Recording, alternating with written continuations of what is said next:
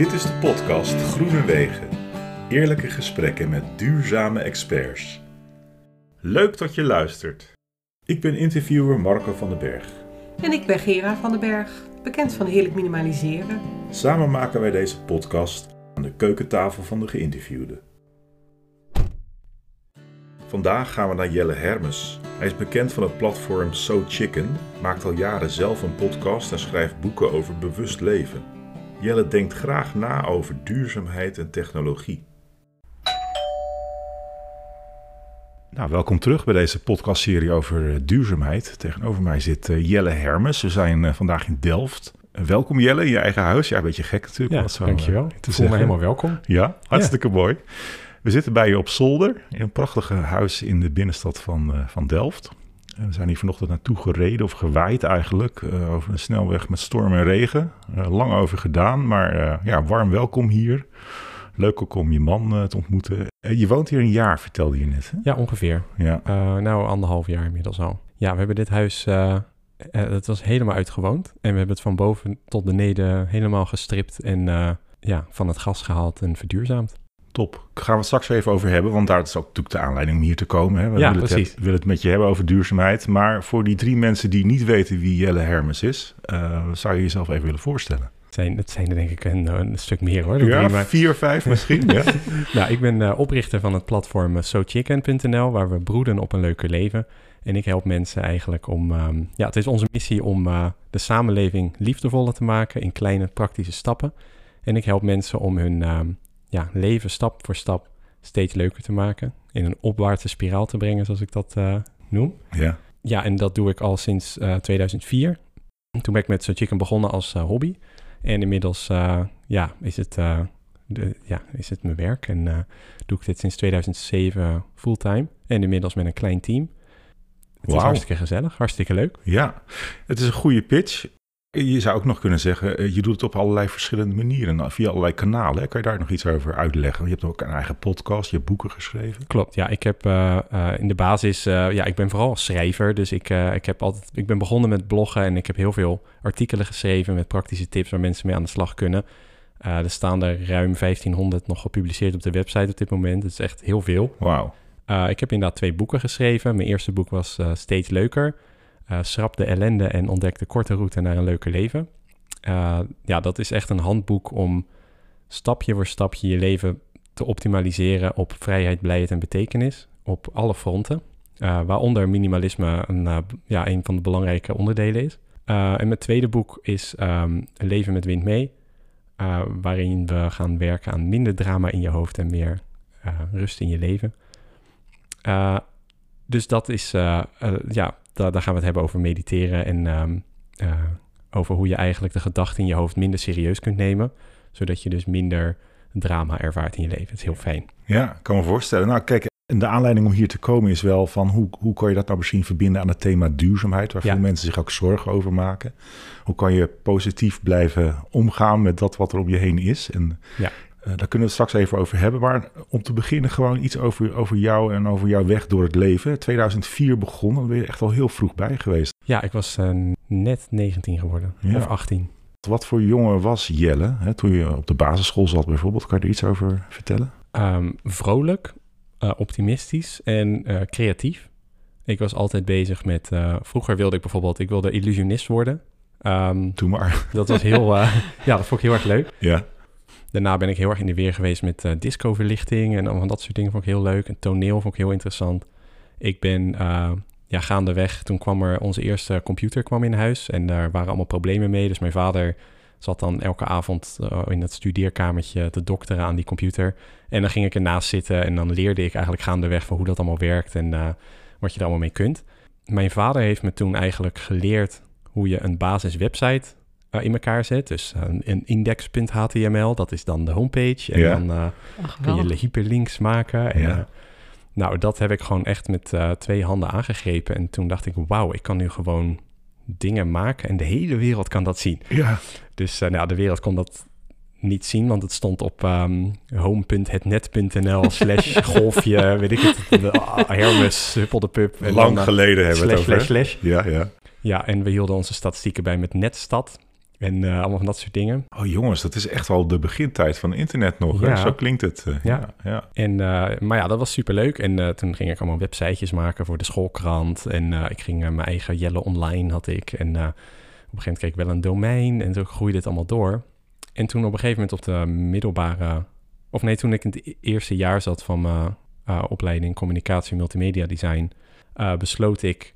Of toen kocht ik voor mijn, van mijn verjaardagsgeld een, in mijn eerste iPod... Dat vond ik echt waanzinnig cool. Ik wilde zo graag zo'n zo'n mooie witte iPod hebben. ja. Ik vind het nog steeds jammer dat het allemaal niet meer wit is. Zo mooi dat plastic, dat was dat heel mooi. En eh, ja, en, en toen, eh, ja, toen ging ik zo'n beetje googlen wat je er allemaal mee kon. En toen was het dus net iets nieuws eh, in de wereld. En dat was dus podcasting. Adam Curry had dat onder andere met Dave Weiner, de uitvinder van RSS, uitgevonden. En eh nou, dat was helemaal leuk, lekker nerdig. Dus ik zat dat allemaal uit te pluizen. En toen bedacht ik, nou, ik ga dat gewoon doen. We gaan gewoon een podcast maken ja.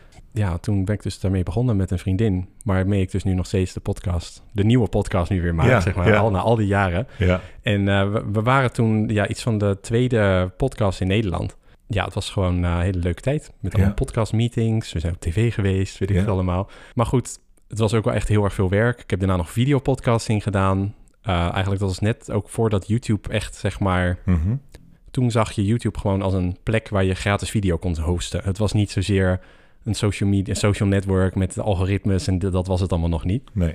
Maar goed, dat was allemaal heel veel werk. Dus op een gegeven moment eh, ben ik daarmee gestopt en eh, ben ik vooral eh, gaan richten op bloggen, want ehm, ja, dat werd geïndexeerd en daar kwamen mensen op terecht via Google. Ja, wat grappig, want jij, jij beschrijft nu heel mooi hoe de techniek een soort drager is geweest voor de boodschap die je uiteindelijk bent gaan Ja. zenden. Hè? Want ik denk dat de mensen jou kennen van de boodschap. Ja. En als je teruggaat naar waar het begon, heb jij het over de techniek. Mooie, mooie tegenstelling bijna. Ja, dus als je wil weten, ja, als je zegt, wat, wie ben ik? Ja, ik ben wel een beetje een nerd. Het is, eh, ja, ik, ik, ik ben altijd heel geïnteresseerd in, eh, nou ja, ik zie dan die technologie zie ik als een, als een, als een tool, als een gereedschap om Ja. nieuwe dingen voor elkaar te krijgen. En daar, ehm, ja, probeer ik dan met een beetje creativiteit eh, iets te doen wat, wat ik leuk vind en waar ik zelf blij van word. Wa- Want wij zaten net in de auto hier naartoe en eh Gerard las wat voor over jou, over wat je allemaal doet. eh, ook om een beetje voor te bereiden. En toen, ik, ik raakte bijna geïmponeerd hè, en geïntimideerd door die hele waslijst en dingen. Ja, de hele waslijst en dingen en het succes dat je hebt. Het is prachtig gewoon. Dankjewel. Ja, en je inspireert ook heel veel mensen. Maar waar begon dan voor jou die inspiratie? Hè? Want je beschrijft nu zeg maar dat technische deel, maar waar, ik bedoel, So Chicken heeft natuurlijk ook heel erg te maken met eh, mensen leren op een andere manier misschien wel kijken. Heel Ja. erg vanuit het positieve. Welk verhaal hoort daarbij? Nou, eigenlijk rond diezelfde periode, ehm, nou ik nog, ik was nog jonger. Ik, ik kan me nog goed herinneren als kind dat ik, eh, weet je, ging met mijn moeder naar de bibliotheek. Op een gegeven moment moest je ook boeken lenen voor, voor school, weet je wel, voor saaie boeken. Oh, Verslagen. Ja, Boude, Boudewijn, eh, hoe heet die? Eh, Nou ja, ik, eh, ik, ben, ik heb het allemaal overboord gezet in mijn hoofd, maar dat was echt Ballast. Ja, ja, Eh, literatuur en zo. ja. Maar toen op een gegeven moment ja, ging ik gewoon eens een beetje rondlopen. Want ja, ik mocht vijf boeken per week eh, of meenemen. Dus ik, eh, en, en toen ging ik gewoon eens rondkijken. En toen dacht ik, wauw, ik kan gewoon een boek huren over fotografie. Ja. Dat vond ik heel, eh, een hele openbaring. Van, kijk nou, er is een heel schap. En ik kan hier gewoon allemaal boeken lenen en ik kan ik allemaal dingen leren. Dus ik weet nog dat ik toen als, als... Ik was best jong. Ik heb een boek over fotografie en filmen. Ik heb op een gegeven moment een boek over yoga geleend. Waar ik ook ja, dan ging ik oefenen in mijn slaapkamer. Want ja, er was nog geen social media en alles. Dus ik, Ja. ik zat dan gewoon met een boek in mijn slaapkamer. Zo is dat eigenlijk begonnen, dat ik merkte... eh, kijk, in de basis was ik altijd al bezig om mensen om me heen een goed gevoel te geven. Omdat, weet je, vanuit ehm goochelen en optreden en toneel... ehm, ik vond het altijd interessant om, om die inspiratie die ik had door te geven... en om mensen Mhm. te vermaken en ze een beter gevoel te geven. Dus ja, dat zit gewoon een beetje in mijn karakter. En dat ik ontdekte gewoon van wauw, er is gewoon zoiets als persoonlijke groei. En je kan daar dingen over lezen en dan kan je je eigen leven beter maken. En die dingen die ik dan zelf leer, die kan ik doorgeven. En dan kunnen Ja. andere mensen dat ook gaan doen. ja. En dan kan ik ze helpen. Omdat ik gewoon om me heen al vrij snel observeerde dat ja, heel veel mensen worstelen met dingen. En ik op een gegeven moment dacht van ja, maar dit kan gewoon zo opgelost worden Ja, door gewoon dit te doen. Ja, mooi is dat. Want, want eh, jij bent natuurlijk onderdeel van deze serie. eh, en, en dit is wel de gemene deler in deze serie. Dat iedereen die we spreken ook dat moment had van je doet inzichten op. En dan is de vraag, hou je die voor jezelf of ga je die verspreiden? Ga je die delen met anderen? Ja. En wat levert het jou op, naast misschien wel geld, eh, dat jij die dingen deelt met anderen? Wat krijg jij daar dan weer van terug? Uh, een, een, bezigheid. Nee. nee. Kijk, ik, ik, weet, ik, ik zeg altijd van als ik nu uh, So Chicken niet meer zou hebben, zou ik waarschijnlijk zoiets oprichten als So Chicken. Want dat is gewoon mijn, uh, voor mezelf het gevoel van voldoening en um, ja, ik, ik moet dat gewoon doen, zoiets. Mhm. Mm -hmm. Dus een reden om uit bed te komen en Ja, uh, ja. gewoon heel veel voldoening. En het geeft me ook een drijvende kracht om zelf te blijven groeien en ontwikkelen. Ja, Omdat het heel duidelijk wordt voor mezelf in het schrijven als ik stagneer. ja. Dan stagneert mijn schrijven als het ware. En dan merk ik van, oh wauw, ik zit een beetje, begin een beetje vast te zitten in de groei of zo. Een beetje, uh, dat is niet erg, maar dat Ja. is dus het soort van erg, omdat ik uh, wil uh, blijven schrijven en, en waarde blijven toevoegen. Ja, dus ik snap hem. Ik ik, snap da- hem. ik daag mezelf op die manier uit. Dus um, Maar je krijgt ook veel terug van eh, volgers. absoluut, ja. Ja. en dat voedt jou ook weer en eh, dat bevestigt jou ook in het idee van het is belangrijk wat ik doe.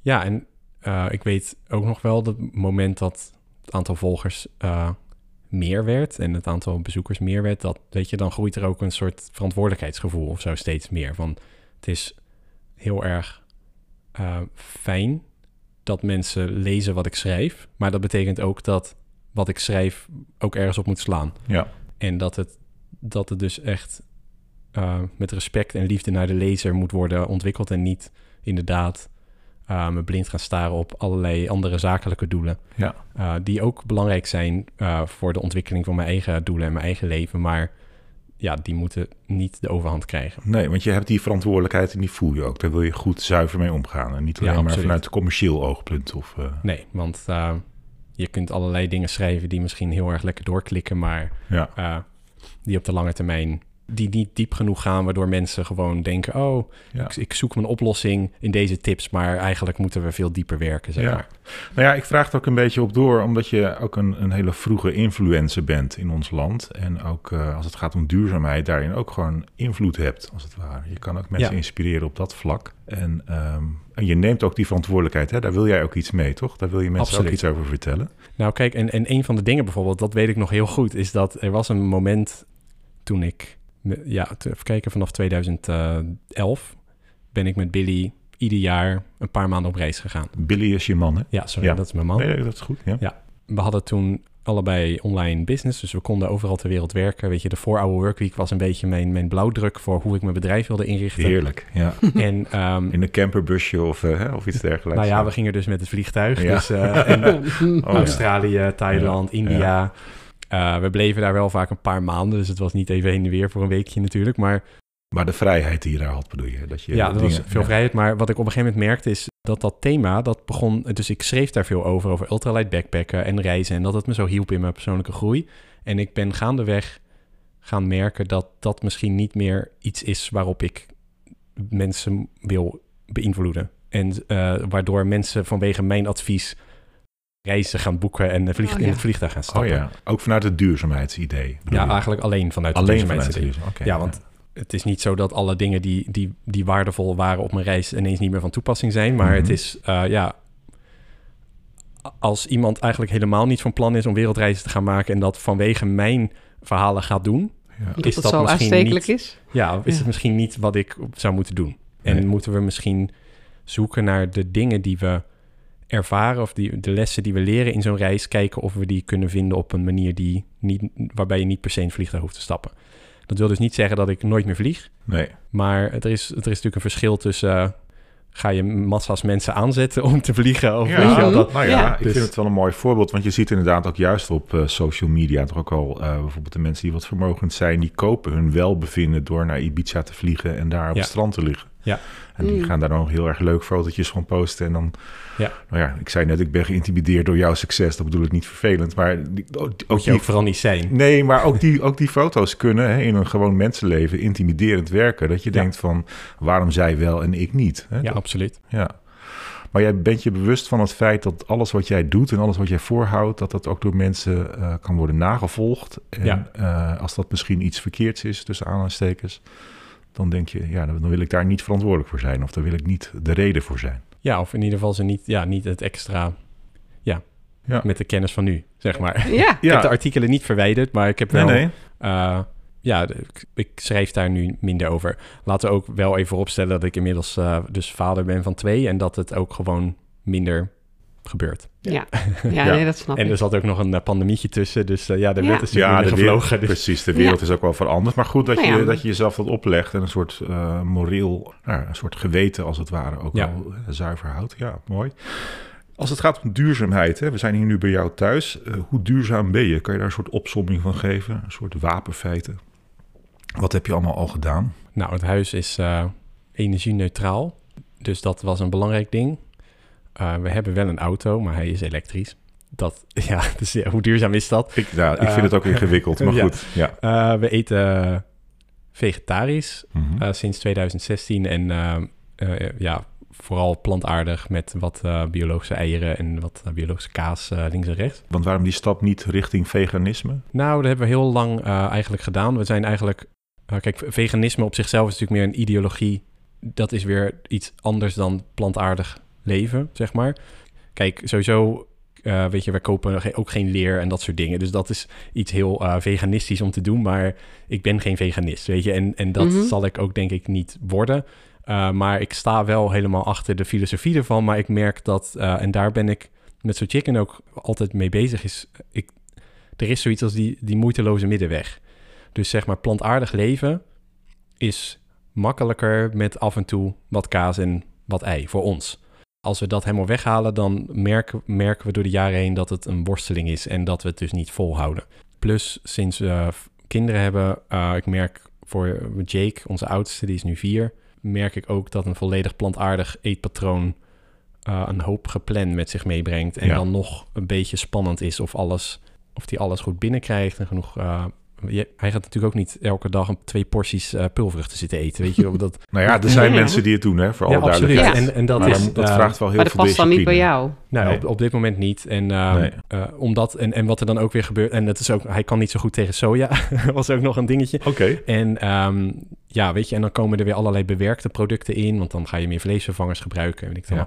Dus allemaal allerlei afwegingen, maar uh, zo gaat dat. Ja, wel mooi, want dat hele fundamentalistische of fundamentele, zeg maar, dat, dat kan ook mensen wat uh, tegenstaan, merk ik. Hè? Als je natuurlijk heel ex extreem wordt en dat, dat is nou niet uh, wat het sympathieker maakt. En als jij als influencer nee. mensen wat wil inspireren en mee wil nemen in dit hele verhaal, is dat misschien ook wel slim, hè, tussen aanhalingstekens. Uh.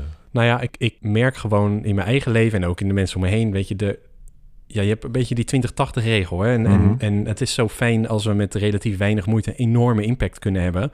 En dan daar gewoon kunnen blijven. Uh, en de hele tijd de rest van ons leven die impact kunnen hebben zonder dat we onszelf opbranden. En het is altijd interessant om een challenge voor jezelf te doen. Om eens een paar weken helemaal plantaardig te leven en te kijken wat je leert. Of in kleine stapjes dingen te vervangen. Want ja, op een gegeven moment zit je ook misschien ergens een beetje in een luiheid. Dat je denkt, nou weet je, kan op deze plek waar ik bijvoorbeeld zuivel gebruik, zou ik het kunnen vervangen door iets anders. En dat zou je dan op steeds meer plekken kunnen doen. Ja. En op die manier, um, dat is natuurlijk het hypocriet, hè? De, de, millennials die dan zeggen, ja, ik wil graag een, um, een, een haverlatte ja. met een roombotercroissant. Ik weet precies wat je bedoelt. En ik, ja, ja, en ik doe dat ook. Maar ja, er is, weet je... Maar dan is het gewoon hip. Dat is gewoon leuk om ermee gezien te worden. Ja, ja nou, het punt is, ik bedoel, ik drink een haverlatte. Dat is weer een, geen portie koemelk wat ik gebruik voor zowel mijn gezondheid als uh, okay. voor het dierenleed wat erachter zit en de klimaatimpact. Uh, ja, dat, uh, dat er dan nog wel een roombotercroissant naast ligt. Ja, het had ook en melk en een roomboterkroissant kunnen zijn. Ja, precies. Dus je bent wel een beetje goed bezig, hè, zullen we maar zeggen. Uh, nou ja, ja ik, ik ben bezig. Maar, ja, nou, nee, snap ik. Even terug naar uh, de jonge Jelle. En je noemde jezelf net nerd. Nou, laten we dat dan maar even voor de vorm vasthouden. Um, een nerd staat er ook wel bekend omdat hij goed nadenkt over alles. En goed dingen toch ook wel om zich heen probeert te analyseren. Wanneer analyseerde jij voor het eerst dat het toch eigenlijk best wel lastig lag in de wereld met duurzaamheid en klimaat en met milieu? Was je er al heel vroeg bewust van of kwam dat pas later? Nou, ik, ik, ik, weet, niet, ik weet niet meer zo goed ik weet in ieder geval dat rond 2007 dat ik echt uh, startte met die thema's en dat ik meer begon te, um, die samenhang begon te zien tussen um, een goed leven leiden en de planeet gezond houden als het ware en een goed leven voor een goede samenleving kunnen vormgeven. Dat dat alleen maar kan als we ook ja, de fundamenten onder die samenleving uh, op orde houden. Uh, ik weet niet wanneer kwam Inconvenient Truth uit. Ja, dat, Ja. dat is een film die veel wordt genoemd ook, hè? van Al Gore, die Ja. documentaire. Ja, dat, Ik- Dat, dat Ja, zal rond misschien rond die tijd ja. zijn geweest, Ik weet ook maar niet Ja. precies exact, maar rond die tijd. die, 2000. die had ook invloed. En zo Ja. vanuit daar ehm, ging ik daar gewoon steeds meer over lezen, meer boeken lezen, meer ja, artikelen lezen. En ook, en dat kan ik me nog goed herinneren in die periode, eigenlijk door het rouwproces ben ik toen gegaan. Het besef, we gaan zoveel kwijtraken wat zo mooi is en wat zo waardevol is en zo onschuldig is en uniek in dit heelal, vooralsnog. Weet je, Mhm. we, we weten niet wat we nu verwoesten eigenlijk, want we weten niet of er ergens nog andere planeten zijn met, met zo'n eh, enorme grote ecosysteem of zo'n diep eh, uitgeontwikkelde ecosystemen. Ik weet, ja, ik weet wel dat ik daar wel echt eh, een soort, een soort kleine klimaatdepressie van heb gehad. oh ja, eh, joh, ja, toch wel. Nou ja, goed, omdat het toch vaak ook wel nodig is om ergens te komen. Hè? Dat, dat zorgt wel voor die verandering. Ja, jij noemt het inderdaad een soort rouwcurve waar je doorheen gaat, de verandering. Ja. Maar dat hoor je wel terug bij veel mensen. Dat ze zeggen, ja, maar eh, dat besef daalde in. En dat was ook wel het moment om te denken, het moet nu echt anders. En ben, Ja. jij, ben jij toen radicaal dingen anders gaan doen? Je had het net over, over dat vliegen, maar zijn er andere voorbeelden? Nou, wij zijn eh, in die periode eh, ook gaan stoppen met bijvoorbeeld thuis vlees eten. Dus toen was het... eh, te- sterker nog, in het begin eh, begonnen we inderdaad als when at home vegan. Dus dan was het idee eh, helemaal thuis ehm, halen we geen dierlijke producten in huis. En dan als we buiten de deur zijn, zijn we makkelijker. En dat is eigenlijk zo door de jaren heen... Ja, heb ik dat de hele tijd hebben we dat een beetje zo gedaan.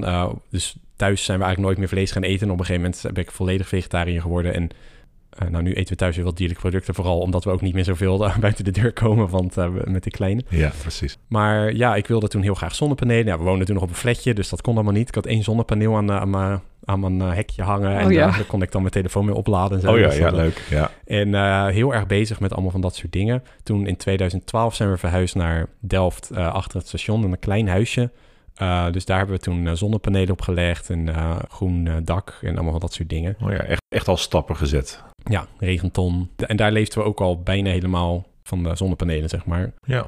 Ja, en toen kwam ook minimalisme eh, in het beeld. En eigenlijk het hele idee is simpeler leven. Weet je, alles gewoon eenvoudiger maken. Minder verspilling, minder verbruiken.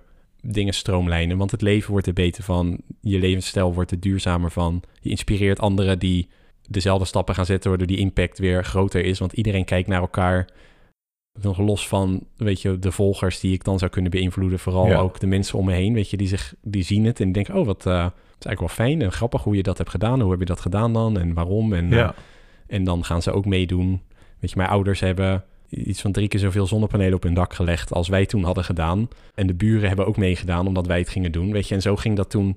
Dat was dus 2012, 2013. Een soort vonk die overslaat, als het ware. Ja. Kom jij ook uit een duurzaam gezin? Zo ben je opgegroeid in een duurzaam gezin als kind? Nou, ik weet niet of er in de jaren 80 duurzame gezinnen bestonden. Maar Nou ja, soms... Ongetwijfeld. Rondom Wageningen heel veel. eh, Ja, denk en qua ja. woordkeuze misschien nog helemaal niet, want de term duurzaam eh, bestond er nog niet. Ja, het is, eh, eh, nee, maar eh, relatief gezien eh, zeker. Mijn ouders waren ehm, eh, altijd heel erg van bewust maken van de natuur. Tegen verspilling en zo. Dus we, we gingen regelmatig eh, wandelen in de natuur. Ze waren ook lid van Natuurmonumenten en zo. En ik, heb, ik weet gewoon als, als kind heb ik daar heel veel van meegekregen over goed zorgen voor de aarde. Goed zorgen voor eh, de natuur. eh, en eh, ze deden recycling, weet je wel. ja, geen afval op de grond gooien. dat, is, dat is allemaal heel logisch. Maar in de jaren tachtig was dat toch iets minder logisch, denk nee, ik snap ik. Ja. dat heb ik wel echt meegekregen. Dat gevoel van dat het belangrijk is om, ehm, Ja. om de natuur te beschermen. Maar ook dan zorgen voor andere mensen, want dat doe je eigenlijk ook. Ehm, ja, dat was ja, iets minder uitgesproken, denk ik, het gezin. Maar dat, eh, ja, dat, heb ik, ik weet, ja, dat zit er een beetje in. Ja, ik weet niet. Wel mooi. En, ehm, want als we het nou koppelen aan duurzaamheid. Hè? Ik bedoel, je hebt dat inderdaad twee boeken geschreven. En je hebt het platform. Je, je inspireert heel veel mensen. In hoeverre kan jij ehm, vanuit de, de kennis die je hebt opgedaan en de levenservaring eh, mensen begeleiden in hoe ze om kunnen gaan met duurzaamheid? En ook het hele vraagstuk van.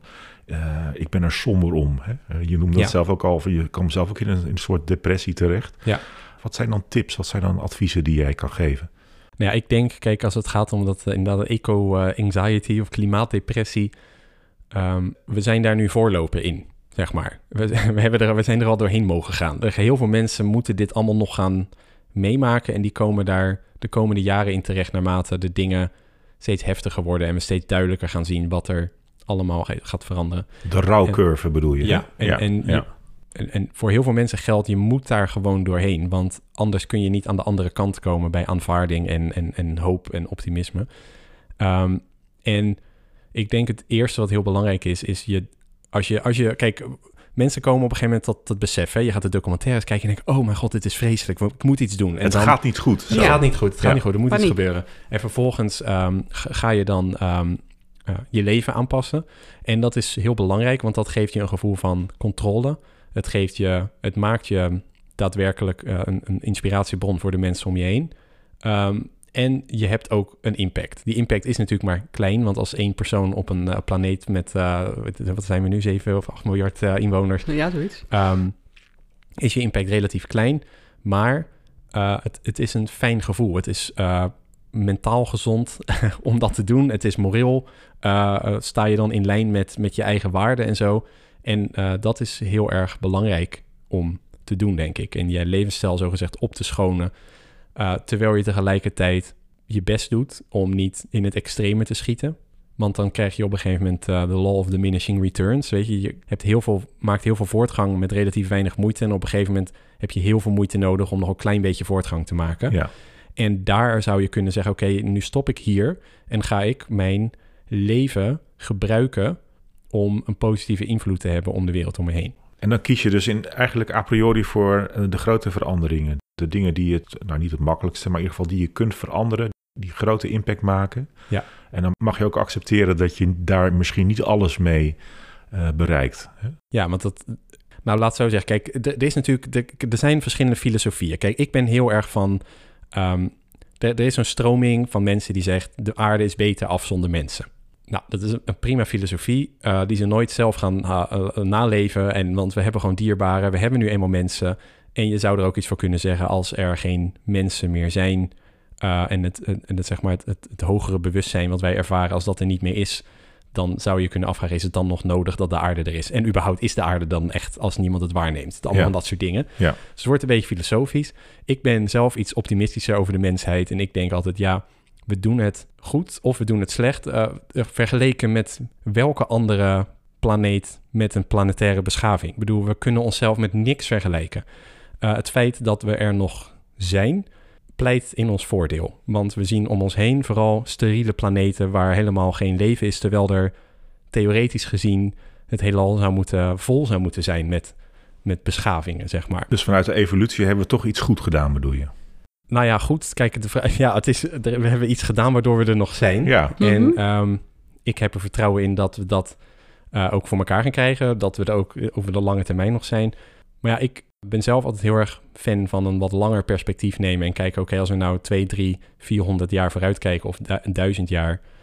Ik vind het onwaarschijnlijk dat er dan geen menselijke beschaving meer is door klimaatverandering. Zeker als je nu ziet dat we eigenlijk de ergste effecten van ehm, klimaatverandering al aan het afbuigen zijn. Mhm. En dat we al naar een ehm, gematigder scenario aan het toebewegen zijn. We zijn er nog lang niet, maar de, de curve is aan het bewegen en het bewustzijn is aan het groeien. Nou ja, ook het herstel van de ozonlaag, hè, dat was ook eh, in het nieuws. Ja. ja, en dat is eindelijk een keer positief klimaatnieuws. Hè, Ja. Terwijl we elkaar bestoken met negatieve berichten. Ja. Dat En ook naar aanleiding van menselijk handelen wat dan verandert, waardoor het toch Zeker. ook verandering op gang Maar komt. dat, dat wilde ik inderdaad ook nog aan je voorleggen. Want dat heeft ook te maken toch met positieve beïnvloeding, denk ik, uiteindelijk. Ja. Je kan mensen bang maken van, nou, doe het niet meer, want anders gaan we allemaal eh, ten onder. Je kan ook positief kijken van, ja, wat kunnen we wel? Hè? Ja, en kijk bijvoorbeeld, eh, weet je, in, in China, eh, weet je, ruim een miljard mensen, in India hetzelfde. Die mensen gaan niet off the grid in een hutje in de natuur leven. Dus de hele back to nature filosofie is ehm, romantisch en inspirerend en kunnen we dingen uithalen. Maar de toekomst, mits we, tenzij je bereid bent om een soort menselijk offer te brengen van een- paar miljard mensen, dat als we die gewoon laten verhongeren of wat dan ook, maar dat, dat gaan we niet doen. Ehm, dus zullen we eh, toebewegen naar een samenleving die in toenemende mate efficiënter is. Mhm. En efficiëntie gaat gepaard met ja, high-tech, met, met meer technologie, met meer optimalisaties, minder verspilling, gesloten ehm, productieketens, super innovatieve manieren om ecosystemen te herstellen op basis van, eh, weet je wel, gemanipuleerde bacteriën, schimmels, weet ik het wat er allemaal gemaakt gaat worden. Ja. kunstmatige intelligentie, al die dingen zullen we moeten gaan, zullen we er tegenaan moeten gaan gooien om, Ja. om Ja. ervoor te zorgen dat, dat we met z'n allen op deze planeet kunnen leven. Ja. En er is geen reden dat we per definitie een soort donkere toekomst tegemoet gaan. Denk ik. Nee, dat denk ik ook niet. En, maar, maar de vraag ja. is altijd, wat, welke offers brengen we gaandeweg? ja, ik snap en dat hem. zullen grote Ja, offers zijn die we gaandeweg brengen. Ja, Ehm, maar Ja. ja, en, en dit eh, lijkt voor een deel ook op eh, een theorie die je vaak hoort... dat je ook een oorlog soms nodig hebt om weer een soort reset te krijgen, als het ware. nou ja, en ook in en als je dat persoonlijke trekt, weet je, mensen hebben soms een burn-out nodig om Mhm. tot de conclusie te komen wat ze belangrijk vinden in het leven. En ehm, ja, dat is niet hoe je wil dat het gaat, maar Nee. dat is vaak wel Mhm. hoe het gaat. Ja, Ik bedoel, we zijn nu stappen aan het nemen omdat er een crisis is. ja, Ehm, en anders zouden we ja, de economie niet van top tot teen opnieuw gaan uitvinden. Want Ja. dat is veel te veel werken, veel te duur. ja.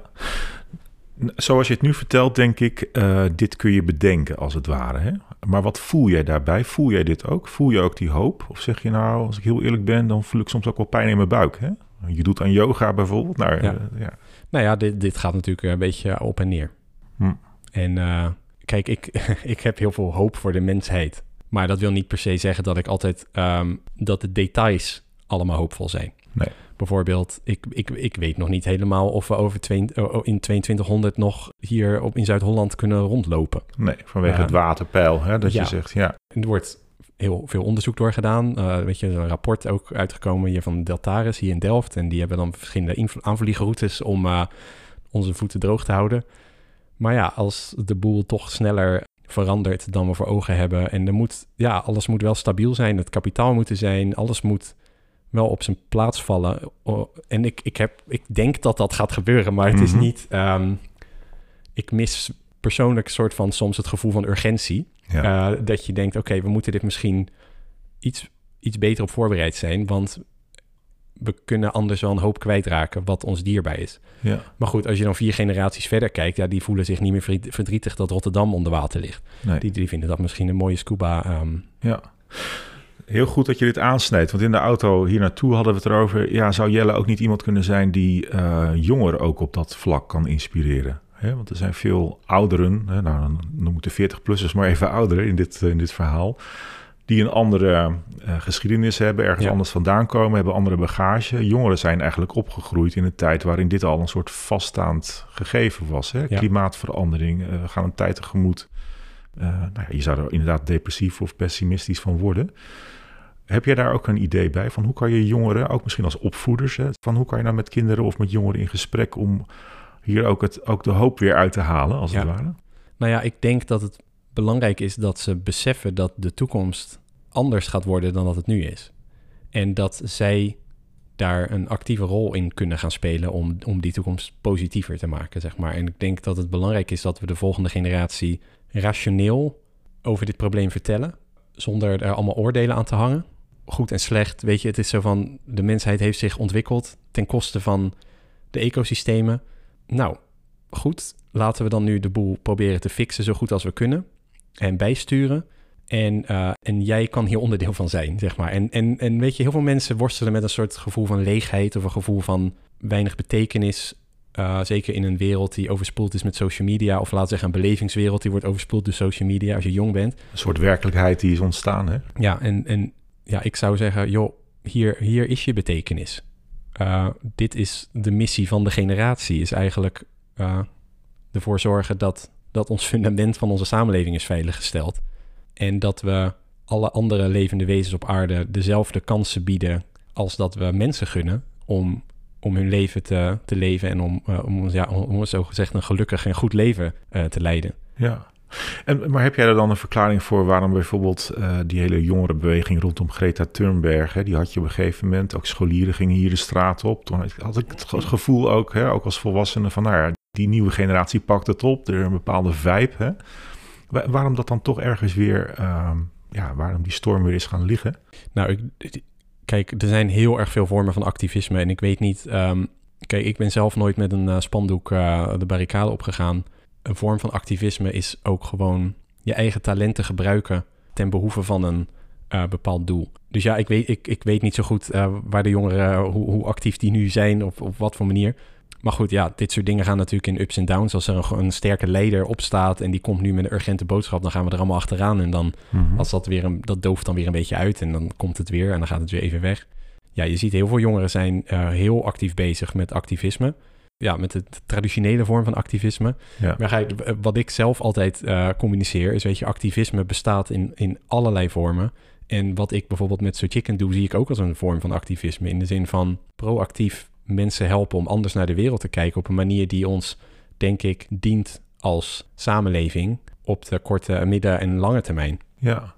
Nee, omdat je zo mooi verwoordt van dit is de missie van deze generatie, hè? deze Ja. nieuwe generatie. Dus dan, dan, ja, als ik dan gewoon heel eerlijk kijk naar wat dan die nieuwe generatie op dit moment doet en hoe, hoe ze zich Nou, laten laat ik weet niet of het hun missie is, maar laat Nee. zeggen, en eigenlijk eerlijk gezegd zou het, eh, eerlijk gezegd vraag ik me af of, dit, of dat überhaupt wel klopt. Omdat ik kan me ook heel goed zien dat we de komende 10, 20 jaar dat we het vooral gaan hebben over de opkomst van kunstmatige intelligentie en dat klimaatverandering ondertussen gewoon wordt geregeld op de achtergrond. En eh, onder andere met die nieuwe technologieën en met alle beleid en regelgeving die wordt, nu wordt doorgevoerd en de marktmomentum wat inmiddels is ingezet. Ja. Ehm, het zou best wel eens kunnen dat het uiteindelijk niet ons grootste probleem bleek. Nee, ik snap het. Ja, ja. Ja, het, het hele aardige aan het verhaal is dat So Chicken en alles wat je hebt opgebouwd, nou, ik zal niet zeggen is dankzij het feit dat we misschien wel heel ongelukkig zijn, als het ware. Maar er is wel een, een deel van jouw succes te danken aan het feit dat zoveel mensen op zoek zijn. Ja. Zie jij voor jezelf ook dat dat nog weer gaat evolueren? Dat jouw aanbod of jouw verhaal of jouw dienst, dat die meegroeit met deze tijd? Waar ga jij naartoe zelf in jouw ontwikkeling? Nou, ik eh, ben me de afgelopen tijd meer aan het focussen op hoe hou je jezelf, nou laat zeggen, hoe bouw je een goed leven waarin je positief kan bijdragen in een chaotische wereld. En dat is eigenlijk het thema wat ik de komende tijd verder wil gaan uitdiepen, is ervan uitgaande dat de wereld voorlopig alleen maar meer turbulent zal gaan worden. En dan gaat het nog niet, ja, zoals ik al eh, aangaf, weet je, de, de opkomst van kunstmatige intelligentie, exponentiële groei in allerlei technologieën die ons leven op zoveel fronten zoveel beter zullen maken, maar tegelijkertijd ook anders. En het zal allemaal rap, steeds rapper gaan veranderen. En ja, eigenlijk de vaardigheid om daarin mee te gaan en dan en daarin een balans voor jezelf te vinden waarin je toch positief kan blijven en optimistisch en, en kalm van binnen. Ondanks dat je soms het gevoel hebt dat, ja, dat de grond de hele tijd staat te schudden, schudden onder je voeten. Weet je, Mhm. ja, we hebben dat nu een beetje mogen ervaren. Hè? Dus je hebt het nieuws van klimaatverandering en dan komt ineens, eh, en dat wordt steeds erger. En dan komt er ineens een pandemie eh, achteraan en dan komt ineens die oorlog erachteraan. En dan, eh, weet je ook, er zijn de hele tijd doorbraken en heftige dingen gaande, zo gezegd. En Opeenstapeling van crisis, hè, wordt het genoemd. precies, ja, en de, de economie en de inflatie en Ja. weet ik het allemaal.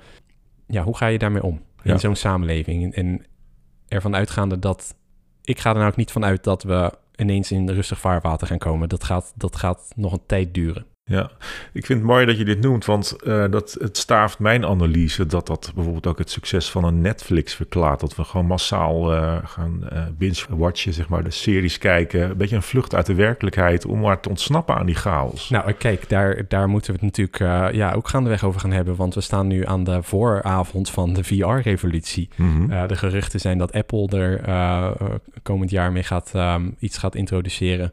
Ehm, dat is over het algemeen leert de geschiedenis het, het moment dat iets Groots serieus gaat gebeuren, Ja, en ja. Dat, dat iedereen het gaat namaken. En dat we een, in ieder geval een, een augmented reality ingaan... waarin we constant, nog meer constant verbonden zullen zijn met, met anderen... met het internet en met data om ons heen. Wat weer allerlei kansen biedt op allerlei manieren... maar natuurlijk ook eh, het escapisme ja. nog groter kan maken. ja. Tegelijkertijd, ehm, ja, als jij ehm, in een, weet je wel, zoals de Japanners soms super minimalistisch in een heel klein appartementje kunnen leven, zet je bril op en je zit ineens aan een tropisch strand. Eh, dat geeft je misschien ook het gevoel dat je minder fysieke spullen nodig hebt. En je hoeft niet, Ehm, niet te vliegen. Hè, Je hoeft niet te vliegen, je hoeft misschien niet eens meer de metro in. Zeg Nee. maar. Je, je, je kunt je vrienden ontmoeten, je kunt... eh, en die dingen zijn... Dan gaan mensen altijd zeggen... ja, maar het is uiteindelijk toch beter om in het echt mensen te ontmoeten. En dat is misschien waar, maar dat wil niet zeggen dat niet een hele grote groep mensen denkt... ja, pff, eh, dat vind ik te veel moeite. Ik doe het wel gewoon even zo, want dat is goed genoeg Ja. voor nu. Ja. En ehm, Ik vind het sterk wat je zegt, want technologie kan die duurzaamheidsslag ondersteunen. Ja, dat doet het natuurlijk al. Dat doet het al. Eh, Maar, dat, dit, laat zo zeggen, het is eigenlijk ons enige wapen Mhm. bijna, naast gedragsverandering. Maar je merkt gewoon dat gedragsverandering is, ja, is gewoon eh, heel moeilijk. En dan hebben we regulering. Nou, dat komt langzaam op gang.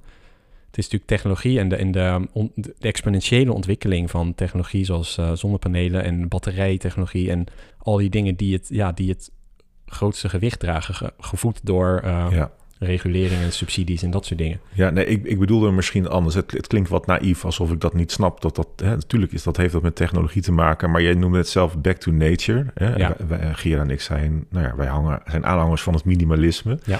Wij houden inderdaad ook wel van een stap terug. Dus Ja. we zeggen van, joh, moet je niet eigenlijk gewoon heel veel dingen afzweren... en gewoon weer terug naar een, een simpeler, eenvoudiger leven. Ja. Het liefst met minder technologie. Dus dan, dan is het eerder een soort bedreiging. Maar ik snap dat jij hem aanvliegt vanuit de ontwikkeling van de verbetering, efficiënter, wat je net zei. Nou, het punt is, eh, omdat gedragsverandering zo moeilijk is, dus eh, probeer heel China maar te overtuigen Mhm. dat het beter is met minder technologie. En ik, ik bedoel, het is natuurlijk, Maar proef ik iets dat je het dan beter kan benutten, omdat het het toch is, als het ware. ja, en omdat, kijk, Je gaat ik, ik, ik, ja. ik, ik ben altijd heel erg fan van met de stroom meebewegen in plaats van er tegenin. Kijk, we, ik- want, ja, ik heb bijvoorbeeld gehoord dat jullie dus geen koffiemachine hebben. Eh, en ik zag ook geen vaatwasser. Klopt, dat? Klopt. Ze, Ja, kijk. ze bestaan nog, Jelle. Ja, nee, maar prima. Maar kijk, mij ga je niet een leven laten krijgen zonder vaatwasser. Dat gaat gewoon, nee. Maar dat hoeft ook niet, hè? Nee. Dat, maar dat Nee, maar we ook niet, hè? Nee, dat hoeft ook niet. Maar laat zeggen, zo, en, en dan, dan ben ik nog een best, weet je, bewust persoon en ik ben hier bewust mee bezig. Ja. Ehm, maar voor de grote massa mensen waar het verschil gemaakt kan worden, ja, is, is het dan dus belangrijk dat de vaatwassers vooral heel erg efficiënt zijn Mhm. eh, en dat ze circulair geproduceerd kunnen worden en dat soort dingen. Eh, in- want we gaan ze niet overtuigen om geen vaatwasser te hebben. Nee. Oh ja. Eh, dat gaat gewoon, dat is gewoon, dat gaat gewoon niet gebeuren. Tenzij je negatieve soort van sancties en, en negatieve subsidies Ja, eh, gaat toepassen. Maar dat gaan we allemaal niet doen. Met name omdat economische groei vooralsnog de enige motor is geweest die eigenlijk ehm, zorgt voor de innovatie ja. en ehm, de vooruitgang die we nodig hebben om onszelf, om onze hele economie opnieuw uit te Mhm. vinden. ja. ja, en dat zou je zelfs een soort perverse prikkel kunnen noemen. Die we nodig hebben om te Ja. denken... ik ga toch maar vandaag mijn bed uit en heel erg hard mijn best doen... omdat ik weet dat ik daarmee iets kan bereiken... dat ik anders niet kan kopen. Hè? Of, eh, Ja, het is een soort eh, paradox. ja. Maar Ja. kijk, een, en- schijn- een schijnbare tegenstelling. Zo van, het lijkt niet helemaal... Ja, dus het kapitalisme maakt de aarde kapot. En het kapitalisme is de oplossing, Ja. of is, ja, is eigenlijk een soort van de beste oplossing die we hebben. Mhm. Als we, als we nu in een soort, eh, voor zover ik het begrijp, als we nu in een enorme recessie te- zouden belanden die, die, die decennia door, voortduurt, eh, van krimp, dan wordt het een stuk moeilijker om ehm, funding te vinden voor al die nieuwe start-ups die we nodig hebben. Die, eh, en wordt het allemaal een stuk moeilijker om die opwaartse spiraal naar, een, ehm, naar de energietransitie te voltooien. Dus in die zin ook niet een degrowth. Want dat is natuurlijk nu juist waarvoor gepleit wordt. Ja, dus ik ben persoonlijk altijd erg fan van zorgen dat we de boel eh, loskoppelen. Maar goed, daar zijn, dat is zo'n grote opgave. Ja, Dus de- ja, het Mhm. is, ehm, en, en de waarheid zal ergens in het midden liggen, ja. uiteindelijk. Eh, en ik kan me bijvoorbeeld voorstellen, ja, ik, ik zie heel duidelijk voor me dat we over 30 jaar, eh, dat mensen veel tijd doorbrengen in virtuele omgevingen, of dat virtuele omgevingen augmented plaatsvinden in je huidige, ehm, in de huidige omgeving, zeg maar. Ja, want misschien voor, voor die paar mensen die dat misschien niet snappen... wat is dat dan, zeg maar? Die Nou, dat is dus- reality, zeg maar? Eh, waarbij je, ja, dan heb je dus een, een bril of uiteindelijk misschien contactlens of verder uiteindelijk een directe interface met de computer vanuit je brein. eh, waarbij je dus ehm, eh, een virtuele realiteit over de fysieke realiteit heen wordt gelegd. eh, om je leven te verrijken, om meer entertainment te creëren of wat dan ook. Maar het, en, en, en dan of dat wenselijk is of niet, dat is nog niet eens de vraag. Nee, je hebt er even geen, geen oordeel over, maar het is een gebeuren. ontwikkeling. Het, Ja. gaat, het, het, het, het gaat komen. Ja. En het he- heeft een... Ik kan al heel duidelijk zien dat dat eh, gedragsveranderingen kan veroorzaken... die gewoon zorgen dat mensen minder fysieke spullen consumeren. Ja.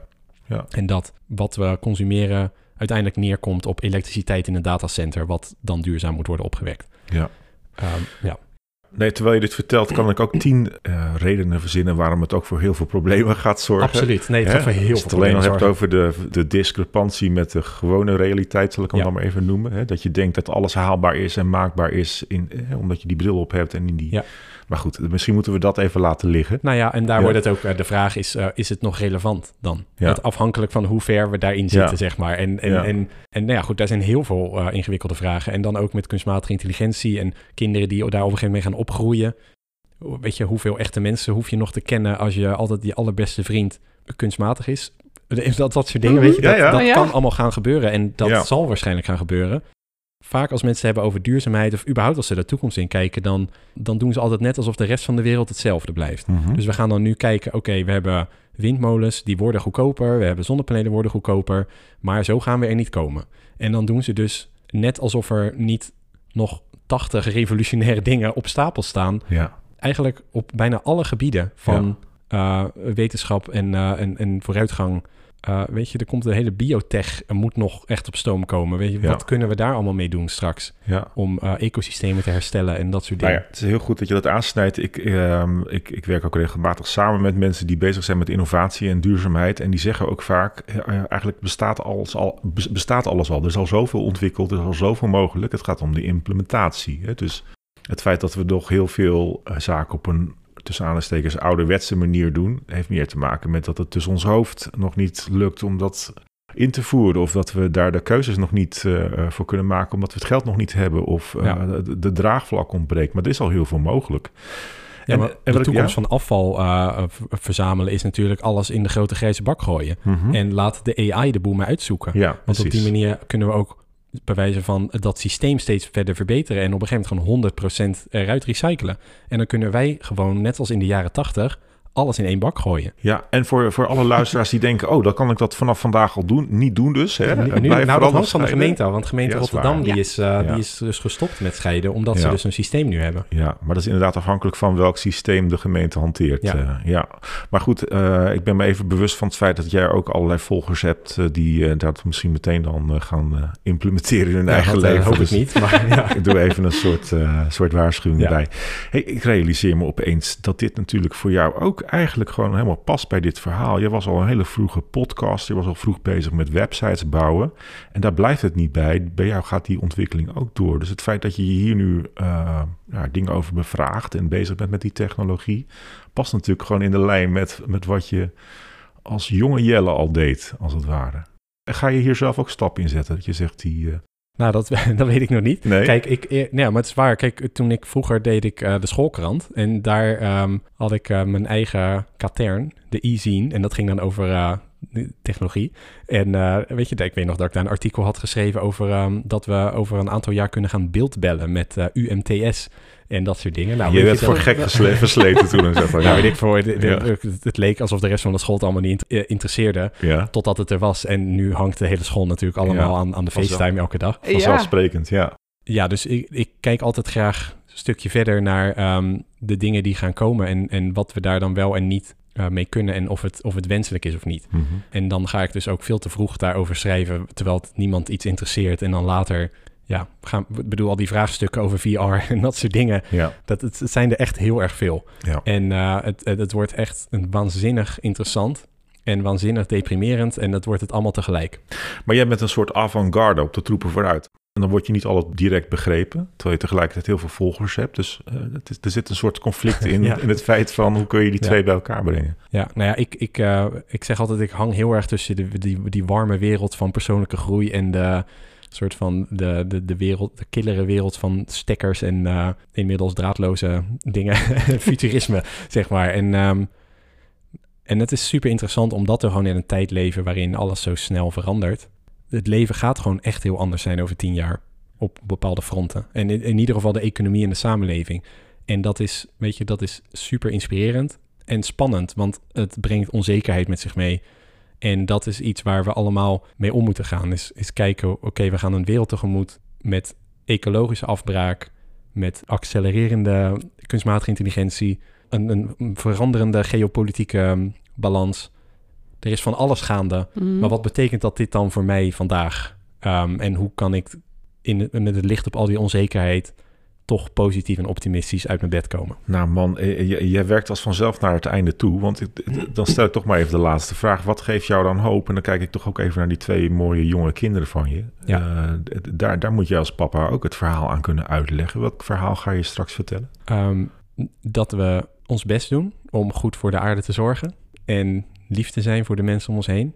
En ik wil ze graag meegeven dat, dat ze niet te snel oordelen en constant zien dat alles voor- en nadelen heeft en wenselijke en minder wenselijke kanten. En dat meestal het verhaal ergens in het midden ligt. Ja. En, ehm, en ook dat ze zich niet te druk moeten maken, want ehm, ja, je kan niet het lot van de wereld in je eentje tillen. Er zijn 8 miljard, of ze- ik weet even niet meer, was het nou 8, Ja, ik denk volgens mij acht nu, hè? er zijn 8 miljard mensen. Weet je, het worden waarschijnlijk 11 Ja, of meer. En dan, ja, het is ook allemaal hun wereld. precies. En dan word je een soort atlas, hè, dat je de last van de wereld op je schouders... Ja, nee. En we doen het met z'n allen. En we doen het samen. En zolang we met elkaar, eh, met name ons best doen om elkaar, naar elkaar te blijven luisteren en niet polariseren, eh, denk ik dat we zeker het, het, de ergste problemen met klimaatverandering kunnen voorkomen. En hopelijk veel kunnen herstellen in de komende eeuw. Ja. Mooi, nou, een gloedvol betoog. Eh, maar geen ABC'tje. Mag ik hem zo eh, samenvatten? Het, is, het is niet vanzelfsprekend dat het goed komt of goed gaat. Maar jij ziet wel Nee. allerlei mogelijkheden, toch? Zeker. Ja. Ja. Jelle, ontzettend bedankt man voor dit gesprek. En voor eh, alle inzichten die je bood. Eh, ja. Nou, bedankt dat ik, eh, dat, ja, dat ik langs mocht komen in mijn eigen huis. Ja. ja, dat blijft leuk hè. We blijven je volgen man. En ik wens je heel veel succes. eh. Dank je.